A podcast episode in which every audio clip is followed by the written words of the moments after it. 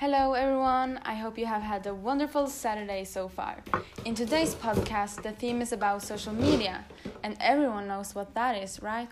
That's right. I'm sure everyone has a phone which they use every single day.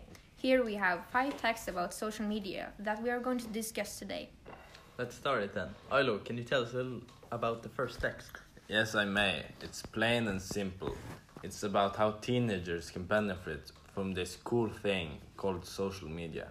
Teens can do so much on there.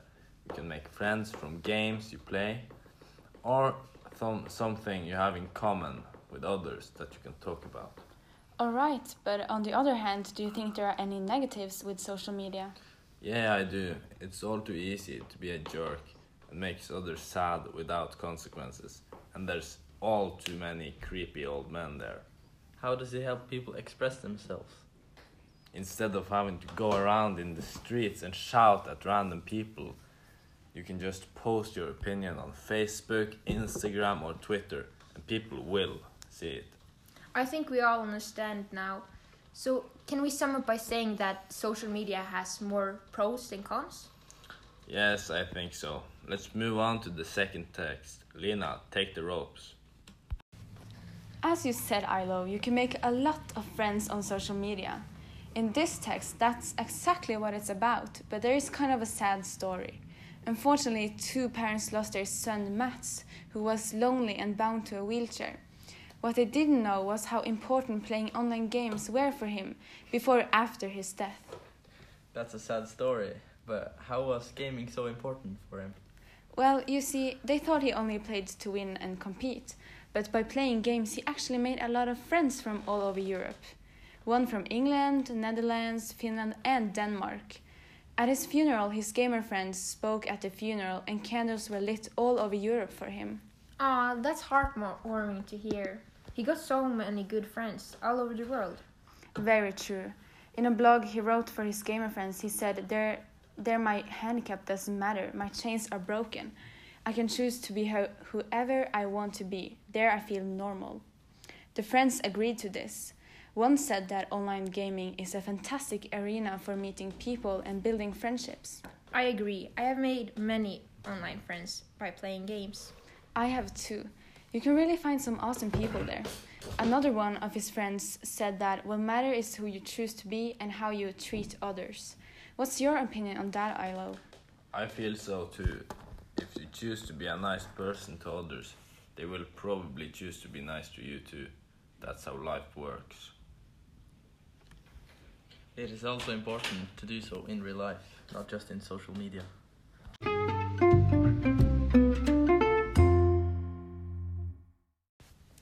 To go from a conversation about how positive social medias can be, it can also be addictive. It can start as a visual diary or presenting themselves in the best way, as many say, and then turn way too private. Many of the people who post content and then uh, on these platforms think it's only being seen by their group of friends, but the truth is that everyone has now access to it. I understand. Now, from these conversations, the social media can be seen in many ways. Could you explain to me how uh, social media can be addictive? Yes, I read that people feel shivers of approval and praise. I think the reason for addiction is because of competition. Who is like the best? People look more after if you look good than if you do good. I agree. It's often why people share their private life. It's because they want to brag about it. And therefore, I think it's going to give them likes. They think it's going to give them likes. Sorry. When you say that the content users post on these platforms are available for everyone to use, could you name some situations it can be used in? I mean, it can be used for marketing use or to get revenge. It's no lines you can cross when it comes to the internet.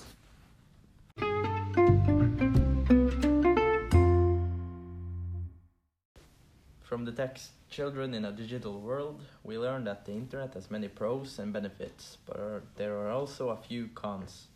Cameroon has taken education seriously and invested in the quality so that their country will develop. Could you explain to us how they plan to improve their education? They're building solar panels and electricity on many schools and connecting internet tablets using an app called Connect My School. This opportunity has given children of Cameroon a new chance to learn the digital world. What do you think of the idea? It sounds exciting, but will it not cost them a lot of money?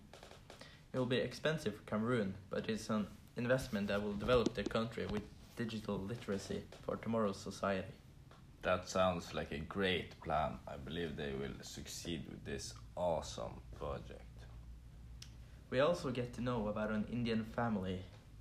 Vikas Gupta and his sister tells tells us about how the internet has helped them and also some negative things about society and the internet in India. Tell us more about it. I believe people need to hear about this as it's an important issue. Vikas tells us about how the internet has helped him with his schoolwork and for his entertainment. But his sister lets us know the harsh truth about girls and the usage of internet in India. Could you explain how the internet has given Vikas a benefit from using it, but not for his sister? Well, it's because they're they are more overprotective for the girls. Typically, the parents are the one doing this. Mm. How do you mean exactly? Many girls don't get to use the internet because it's somewhat distracting. This destroys the girls' curiosity about exploring the internet. So, to sum up it all, you can say that Cameroon's investment in education is a good thing we learned today. And a thing we should work on uh, is the society in India. We learned that the girls are behind the boys with usage of the internet.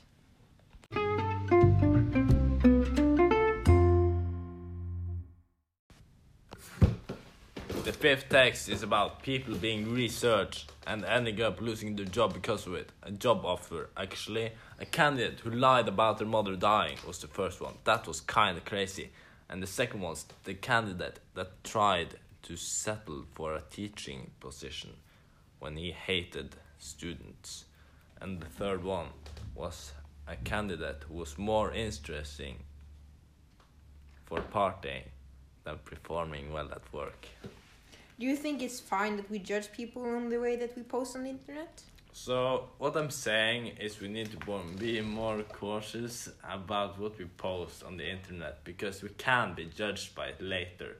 But I do not believe you should judge of it if it's too long ago, because then it's mean.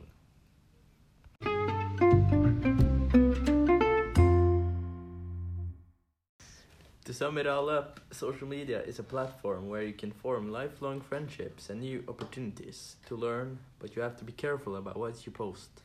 Because everybody has access to social media and it can have consequences for you later in your life.